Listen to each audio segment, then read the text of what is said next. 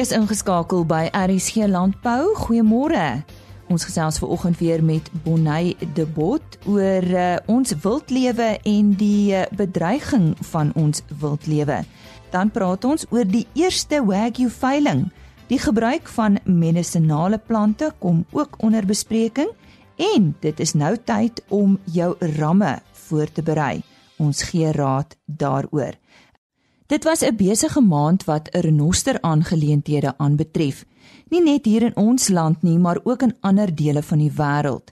Nou om ons op hoogte te bring van renoster sake en ander wildlewe sake, is ons gereelde gas Bonnie de Bot. Rhino Coin is onlangs bekend gestel en die stigters beskryf dit as 'n kriptogeldeenheid met 'n gewete. Wat is die doel agter Rhino Coin en hoe werk dit presies, Bonnie? Soos jy nou genoem het, Lise, hulle praat van die kriptogeld eenheid met 'n gewete en volgens die stigters is die doel van Rhino Coin om 'n volhoubare inkomste vir renosterbewaringspogings te genereer deur die wettige handeldryf in renosterhoring te ondersteun. Nou, soos ons al reeds weet, uh, is die handel in renosterhoring slegs wettig binne ons landsgrense. Sodra die oor die grens beweeg, is dit onwettig omdat die internasionale handeldryf in renosterhoring natuurlik onwettig is en dit is al reeds van uh, 1977 so. So die vraag is nou, hoe werk dit alles? Nou elke munt verteenwoordig 1 gram wettige renosterhoring. So dit is basies 'n uh, lise 'n poging om eers waarde te gee aan die wettige renosterhoring hier in Suid-Afrika en tweedens om dit na die internasionale mark te neem in die digitale wêreld. So die die die werklike horing bly agter in Suid-Afrika. Uh, en dan kan die eienaar of die houer van hierdie digitale munt kan dan nou op die mark gaan gaan verhandel uh met renosterboere wat hierby betrokke is met die kriptohandelaars selfs lede van die publiek of hulle kan dit dan nou gaan inruil uh, maar dis natuurlik onderhewig aan die nodige permitte wat wat uitgereik moet word. Uh maar net soos met Bitcoin, jy weet dit daar altyd huiwering wanneer dit kom by uh, kriptogeld eenhede en dit is so 'n gier daar daar's 'n min vir enigiets onder die son. Jy kan maar net aan iets dink en daar's 'n min daarvoor. Maar om terug te kom by ons renosters, ek dink ons moet versigtig wees uh, wanneer entiteite soos Interpol, die Verenigde Nasies se se UNODC wat dwelms en misdaad beveg en internasionale douane alles hulle vermoë doen om internasionale handeldryf wat onwettig is stop te sit. So ek dink hierdie kan dalk daardie lyne bietjie vervaag, maar uh, dit gaan interessant wees om te sien hoe dit presteer en ons moet moet, moet wag en kyk want net tyd sal leer. Nou ek is seker ons luisteraars sal onthou dat ons onlangs skokkende nuus uit Kenja ontvang het toe 8 swart renosters dood is nadat hulle van 'n nasionale park na hulle nuwe tuiste geskuif is. Wat het hier verkeerd geloop? Hmm. Dis die verlies van hierdie renosters en is nou 9 in totaal, nou die dag is daar nog een dood. Dit is 'n absolute ramp. Uh die feit dat daar so min swart renosters op die planeet oor is. Ons ons daar is net so wat 5000 oor. Maak hierdie voorval net nog so soveel meer tragies. Nou uh, daar was baie bespiegeling oor presies wat gebeur het en ek dink ons moet besef dat die verskuiving van renosters 'n baie gekompliseerde operasie. Uh dit behels onder andere om die dier te verdoof, dan te verskuif en wakker te maak en daar is sekere risiko's daaraan verbonde. En ek dink ons kan die verskuiving van renosters boonop vergelyk met die vervoer van goudstawe omdat hierdie diere net so waardevol is. Nou ek het gesien dat uh, die voorval wêreldwyd opsmaak het en ek het baie bly om dit te sien want ek dink die Keniaanse regering het 'n bietjie druk begin voel. En hulle het nou 'n persverklaring uitgereik om die media en die publiek se dringende vrae te beantwoord. En die persverklaring het gelui dat hierdie diere dood is as gevolg van die hoë soutvlakke in hulle drinkwater. Nou ek het net uh, twee woorde hiervoor en dit is skokkend nalatig. So wat hier basies gebeur het is 9 uit die 11 wat hulle geskuif het is dood aan soutvergiftiging. Omdat van die water wat hulle in hierdie omgewing gedrink het, hierdie uh, wat veronderstel was om 'n hawe van veiligheid te wees. Uh, dit is absoluut onaanvaarbaar. Hierdie is toetse wat vooraf gedoen is gewees het. Dit is standaard protokol. Hulle het seker gemaak dat hierdie uh, diere daarso aanpas en dat die omgewing gepas is vir die diere. Uh, so ja, daar die die woordsout het gelei tot ontwatering dit lei weer tot arbeiddorstigheid en wat 'n bose kringloop en dit het alles uh, vererger blykbaar 'n onafhanklike ondersoek wees en uh, ek hoop net dat diegene wat daarvoor verantwoordelik is, verantwoordbaar gehou sal word hmm. en dat die nodige dissiplinêre stappe geneem sal word. Want soos ek sê, absoluut absoluut onaanvaarbaar dit moet in die eerste plek nie gebeur het nie. Inderdaad, ja. 'n uh, insident wat internasionale nuus gemaak het was uh, ook drie stroper renosterstropers wat deur leeu's verskeer en opgevreet is en dis nou daar in 'n wildreservaat in die Oos-Kaap. Nou Bonet het voorkom of die plaaslike en internasionale media baie verskillend op die nuus gereageer het. Is ek reg? Ja, ek het ook reg. Uh, ek het byvoorbeeld gesien uh, Lisa op sosiale media het dit het baie dit as goeie nuus verklaar en gedeel. En ek dink dit is omdat Suid-Afrikaners is net so kwaad oor wat besig is met die renosters te gebeur, die stropery van ons renosters. So dit is in 'n manier verstaanbaar uh, om al die sentimente van geregtigheid te sien wat wat deur die lees uitgedeel is. En uh, dit is presies dit is dit nie. Jy weet dit voel vir ons as is daar nie geregtigheid vir ons renosters is nie. Sodra ons troepe gevang word, uh, spring sy 'n uh, verdedigingsspan oor tot 'n aksie en is uit 'n boegtog en 'n paar maande daarna word hy weer uh, vasgekeer en en gearresteer vir, vir presies dieselfde misdaad. Uh die vorige week, nog 'n voorbeeld, Bella, 'n pragtige renosterkoei met 'n kalf ook in 'n privaat reservaat in die 'n uh, gruisam afgemaai. En die mees skokkendste feit hier is die is die rede dat sy 'n paar dae voor die die voorval onthoring is. Reeds om haar veilig te hou. So wat net 'n klein stukkie horing oor en hierdie ouens het toegeslaan vir daai klein stukkie horing. Uh, so ek dink uh, baie mense sê jy weet dit is karma. En en is en is maklik om te sien hoekom jy het ook genoem dat uh, die internasionale media bietjie anders uh, op die Times het 'n artikel uh, daaroor geplaas en hulle het die klem geplaas op die feit dat daar sosiale ongelykheid in Suid-Afrika is. En dit dit is waar en en dit moet aangespreek word. Maar ek dink ons moet eerder die feit en die klem plaas dat misdaad in Suid-Afrika gepleeg word en Suid-Afrikaners voel dat die misdadigers die oorhand het. Hulle hmm. weet hoe om die oorlaaide regstelsel uit te buit. Hulle weet hoe om die polisiekringe binne te dring. So ek dink die klem moet eerder daarop geplaas word. Uh so ek dink mense wat maar vir jeug het gedink is karma in 'n skynbare wettelose land. Hmm. Maar uh, soos ek net gesê het, ek dink ons moet natuurlik uiteindelik die oorsaak aanspreek van wat toelaat dat hierdie dinge gebeur en dit en sosiale ongelykheid speel 'n rol wanneer dit by ons verstrooting kom. Mm, ja, absoluut.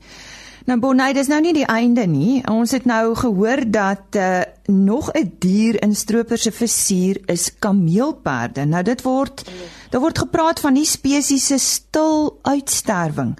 Uh waarom hoor ons niks hiervan nie? Ja, die situasie waarin kameelperde verkeer is seker een van die wat die meeste misgeduik word en jy verwys op nou daarna as 'n stille uitwissing en dit is presies wat besig is om te gebeur.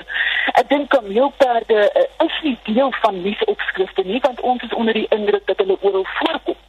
Maar die skokkende feit uh, in werklikheid is egter dat hulle getalle is besig om drasties en het al reeds drasties afgeneem oor die afgelope 30 jaar met 40% uh, van 140 000 na minder as 80 000 wat oor is in Afrika. Uh, Daar is 'n paar redes hiervoor. Eerstens habitatsverlies. Uh, groter dele van land word vir landbou gebruik, maar dan net soos ons renosters uh, en olifante word kameelperde ook gestroop. En daar verskillende redes uh, wat daarvoor aanleiding gee in verskillende lande. Ek gaan net 'n paar voorbeelde noem. Uh, in Tanzanië byvoorbeeld glo hulle dat kameelperdbrein en beenmerg HIV kan genees. Uh in ander gebiede word hulle weer hulle selle gestroop om klere, handsakke, skoene van te maak en daar word selfs armbandjies, juweliersware ook uit hulle hare gemaak en dan 'n kameelperd se stert word as 'n gesogte simbool van autoriteit beskou. Daar is verskeie redes daarvoor. Uh maar ek dink tog mense is besig om om meer bewus te word van die, van hierdie situasie.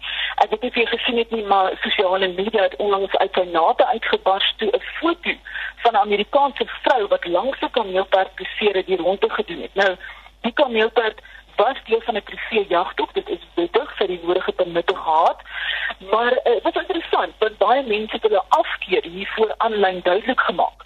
Die feit benadruk dat hulle getalle vinnig is om die afneem. So nou, ek dink die die kameelperd krisis is tot dusver grootendeels misgekyk, maar ek sien mense raak meer bewus daarvan en en die publiek is besig om om meer betrokke te raak. So dit is baie goed om sien. Dit is aan die stem van Bonnie De Bot wat ons vertel het van uh, ja, 'n paar hartseer stories wat ons wildlewe betref. Ons sluit nou aan by Henny Maas. Nou gesels ons met uh, met Dr Michael Bradfield, die hoofuitvoerende beampte van Wagyu Suid-Afrika. En ons wil praat oor 'n veiling wat binnekort plaasvind. Vertel ons daarvan, Michael. Ja, baie dankie Henny. Dis die uh, 8 Augustus by die Dome in uh, Parys uh, twee uur is vir die eerste keer ooit in Suid-Afrika die Wagyu se nasionale veiling met uh, 48 lotte. So ehm uh, also 'n kombinasie uh, van bulle, uh, koeie, 'n kombinasie van ehm um, wat ons noem uh suiwer en dan volbloed die wat direk van uh, Japan afkomstig is. Daar's verse, daar's bulle. So uh almal sal by ja, daai veiling iets kan kry. Uh, word die wagyu al gewilder in ons land? Ja, baie beslis. Uh, jy weet uh, as as ek as ek vandag uh 5000 karkasse gehad het, het ek hulle môre verkoop. Um net om jou idee te gee van wat besig is om te gebeur. Uh beide uh Woolworths en Pick n Pay is nou besig om van hulle store uh om te draai om uh, wagyu te begin uh verkoop. Uh wagyu is die vierde grootste uh, genootskap vandag in Australië byvoorbeeld en binne binne uh, uh, 2 jaar sal dit die tweede grootste genootskap wees. So hy is nog steeds in sy kinderskoene in Suid-Afrika en ek dink hoekom hierdie veiling veral vir kommersiële boere belangrik is. Want die bedryf het nog nie geleer uh, presies die waarde van 'n bil in Suid-Afrika nie. So 'n kommersiële uh, boer sal uh, baie nie 'n bil teen 'n baie goeie prys kan optel. Met dieselfde prys uh, as wat normale bulle daar buite kan doen. Die verse natuurlik gaan dierder gaan of is dierder omdat jy dan embryos kry en dis meer.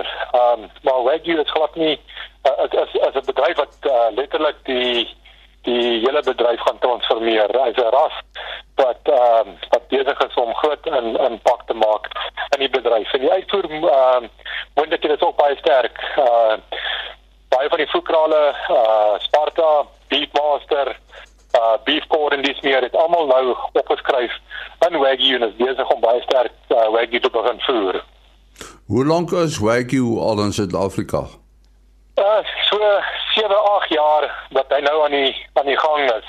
Maar dit is net die afgelope uh 2 jaar dat hy regtig nou uit sy nate begin bars. So mense die vleis wil eet en begin eet. Um ek self sit met die dilemma hier nie. As ek eers as ek wagyu beefstuk geëet het, dan is dit baie moeilik om iets anders te eet. Ek pas liewer dit vir die volgende week en eet my volgende uh, wagyu beefstuk en en dit is letterlik die situasie dat ehm um, die persoon wat wagyu eet, kom altyd terug en eet weer weer wagyu. Dit is so 'n baie goeie uh, sjokolade of 'n baie goeie wyn.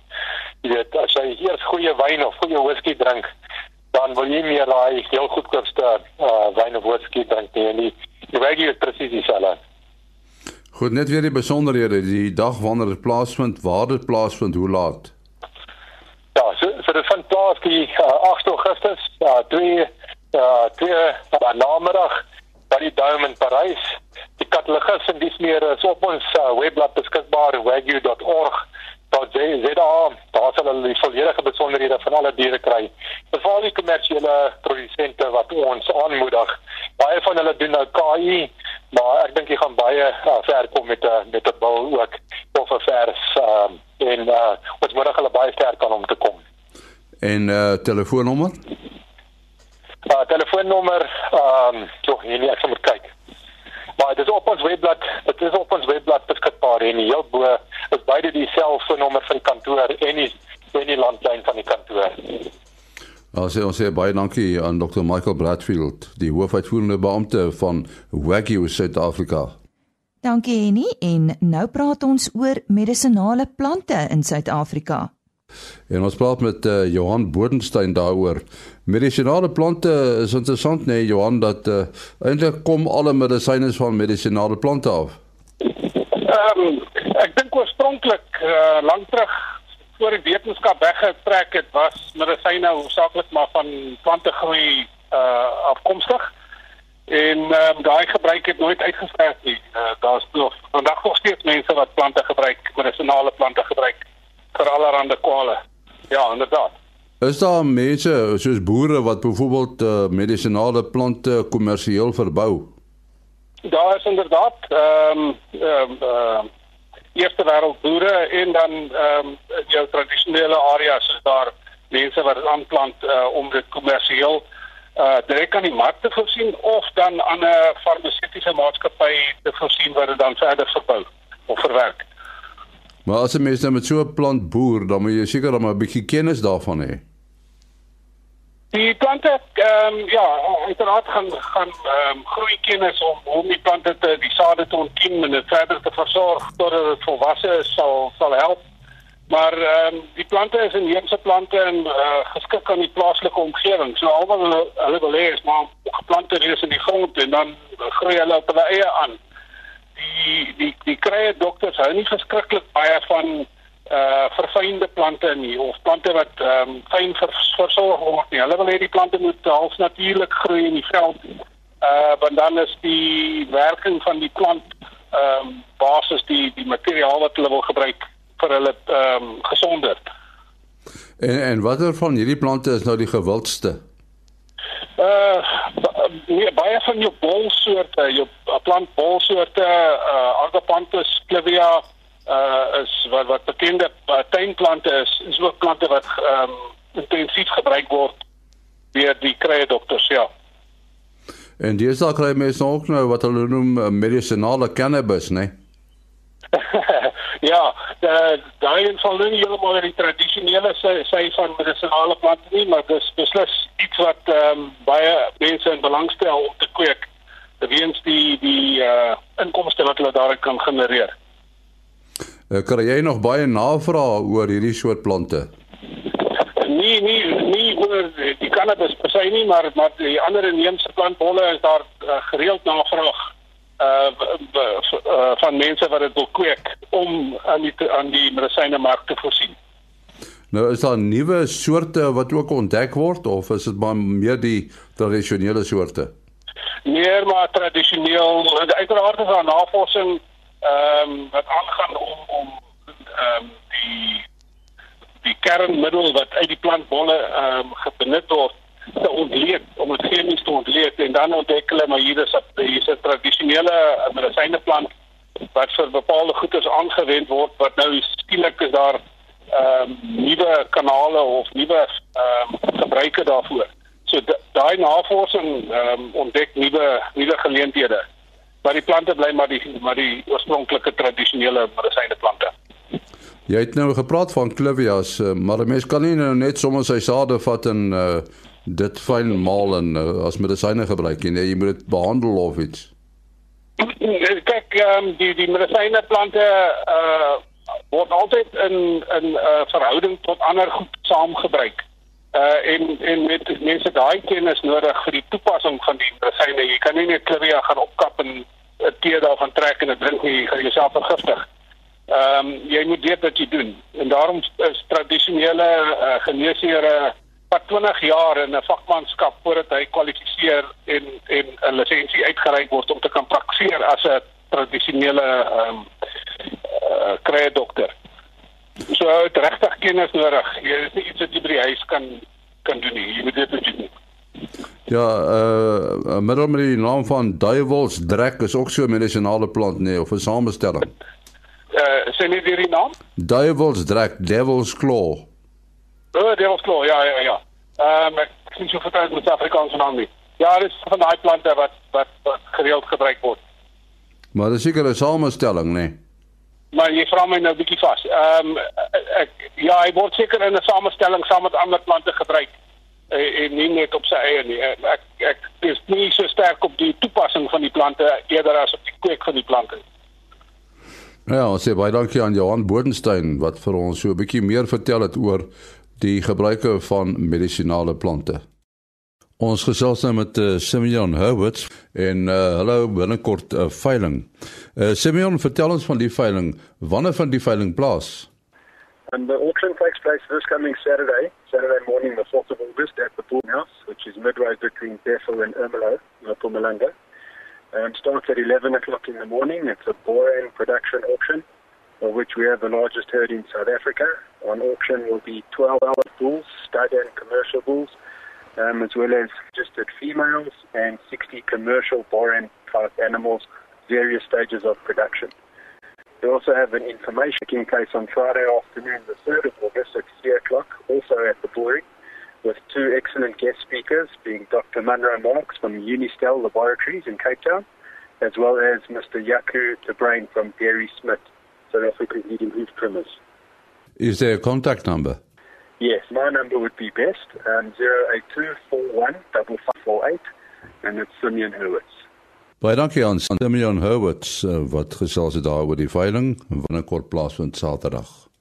Volgende op ons program is Chris Derksen en hy staan by met ons gereelde vleispryse soos altyd op 'n donderdagoggend. Dit is pryse wat behaal is by veilinge in die Noord-Vrystaat en die datum van hierdie veilinge was op Dinsdag 31 Julie. Chris Die belangrikste is eintlik dat speenkalvers begin stabiliseer ten minste op die pryse wat hulle was en die mark is baie sterk vir hulle en lammers het effens afgeneem. Dis baie interessant dat stoorskape so duur word. Ek gee vir julle die presiese pryse. Speenkalvers onder 200 kg dit gaan vir R38.88 per kilo. Van 200 tot 250 kg R35.45 per kilogram lewendige gewig en oor 250 kg R33.57 per kilogram lewendige gewig. A klasse R26.33, B klasse R21.78, C klasse vetkoeie R21.03. Ons het regtig verwag dat vetkoeie al sal begin duurder word en maarkoeie het gewissel van R17.65 na R18.91 per kilogram. Slagbil R22.73, dan stoorlam R37.50, slaglam R37, stooroeie R30.78, 'n baie goeie prys en vetskape R29.54. Boerbokke, lammers R45 en ooe R28.73 per kilo. En as ons van enige verdere hulp kan wees, skakel maar na 08280 75961. Baie dankie. Die stem daarvan Chris Derksen en 'n webtuiste vir uh, die vleispryse is www.vleisprys.co.za. Dis 'n belangrike tyd van die jaar vir die voorbereiding van ramme. Henny Maas en sy gas vertel meer. Ons het lanklaas uh, met uh, Dave Mitchley, hy's 'n veearts gesels en uh, Dave Mitchley is baie bekend onder skaapboere. Hy ook uh, is baie lief uh, om met skape te werk. Dave, uh, as jy sou kyk na lamseisoene, uh, daar's daar's eintlik twee hoof lamseisoene in in die jaar, nê. Nee. Uh brei 'n bietjie uit daaroor. Ja, in die hoofstroom in die land, die meeste plekke het maar 'n herfslamseisoen en 'n lentelamseisoen.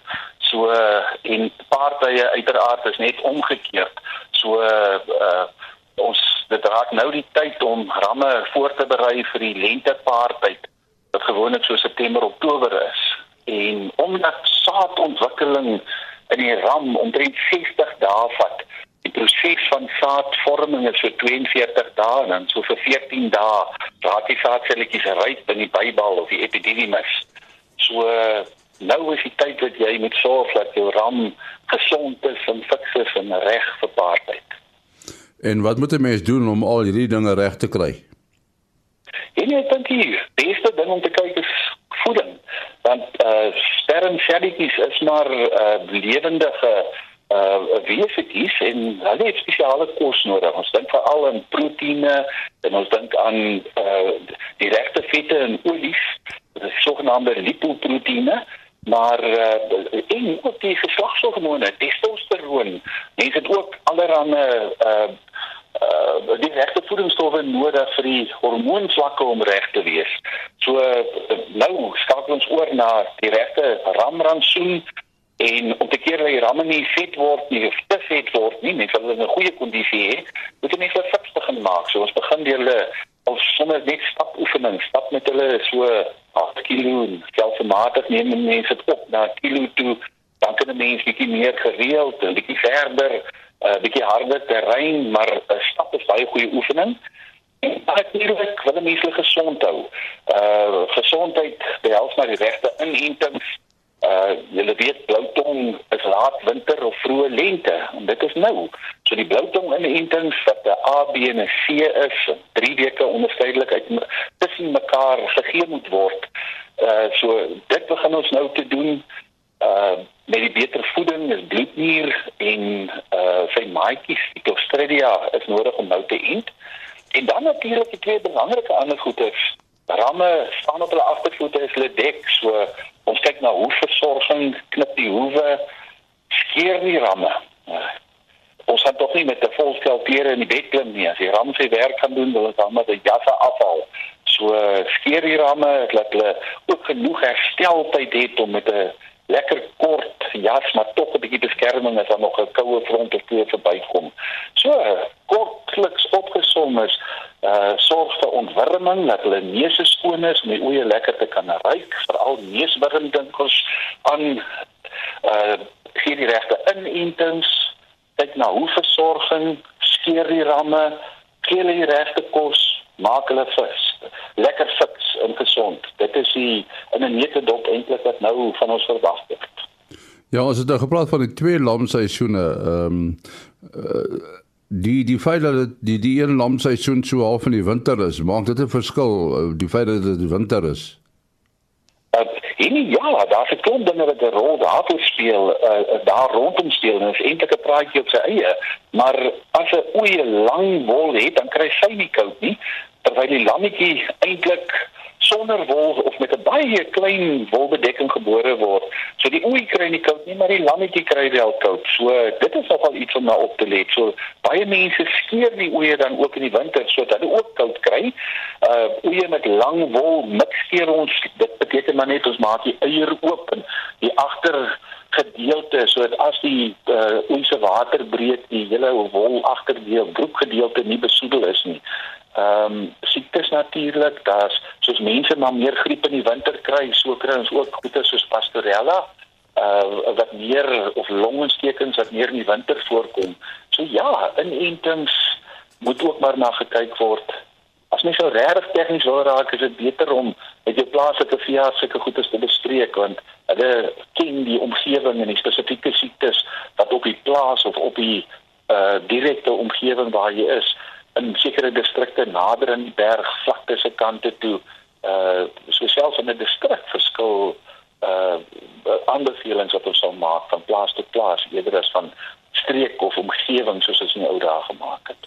Goed, Dave, jou telefoonnommer is daar vrae is van die ouens. Ja, uh, kan ek dalk my e-posadres gee? Dis ja. Dave uh dot midgley@voudemail .co.za. Die grootste probleempie is die Midgley word gespel M I D G L E Y. Ek herhaal dave.midgley@vodemail.co.za. Ons sê baie dankie aan Dr. Dave Midgley. En dit bring ons dan aan die einde van vandag se program. Onthou, ons is eers weer maandagooggend om 05:30 terug met nog RC Landbou nuus. Chris Viljoen is môreoggend om kwart voor 5 agter die mikrofoon. Geniet die naweek en totsiens.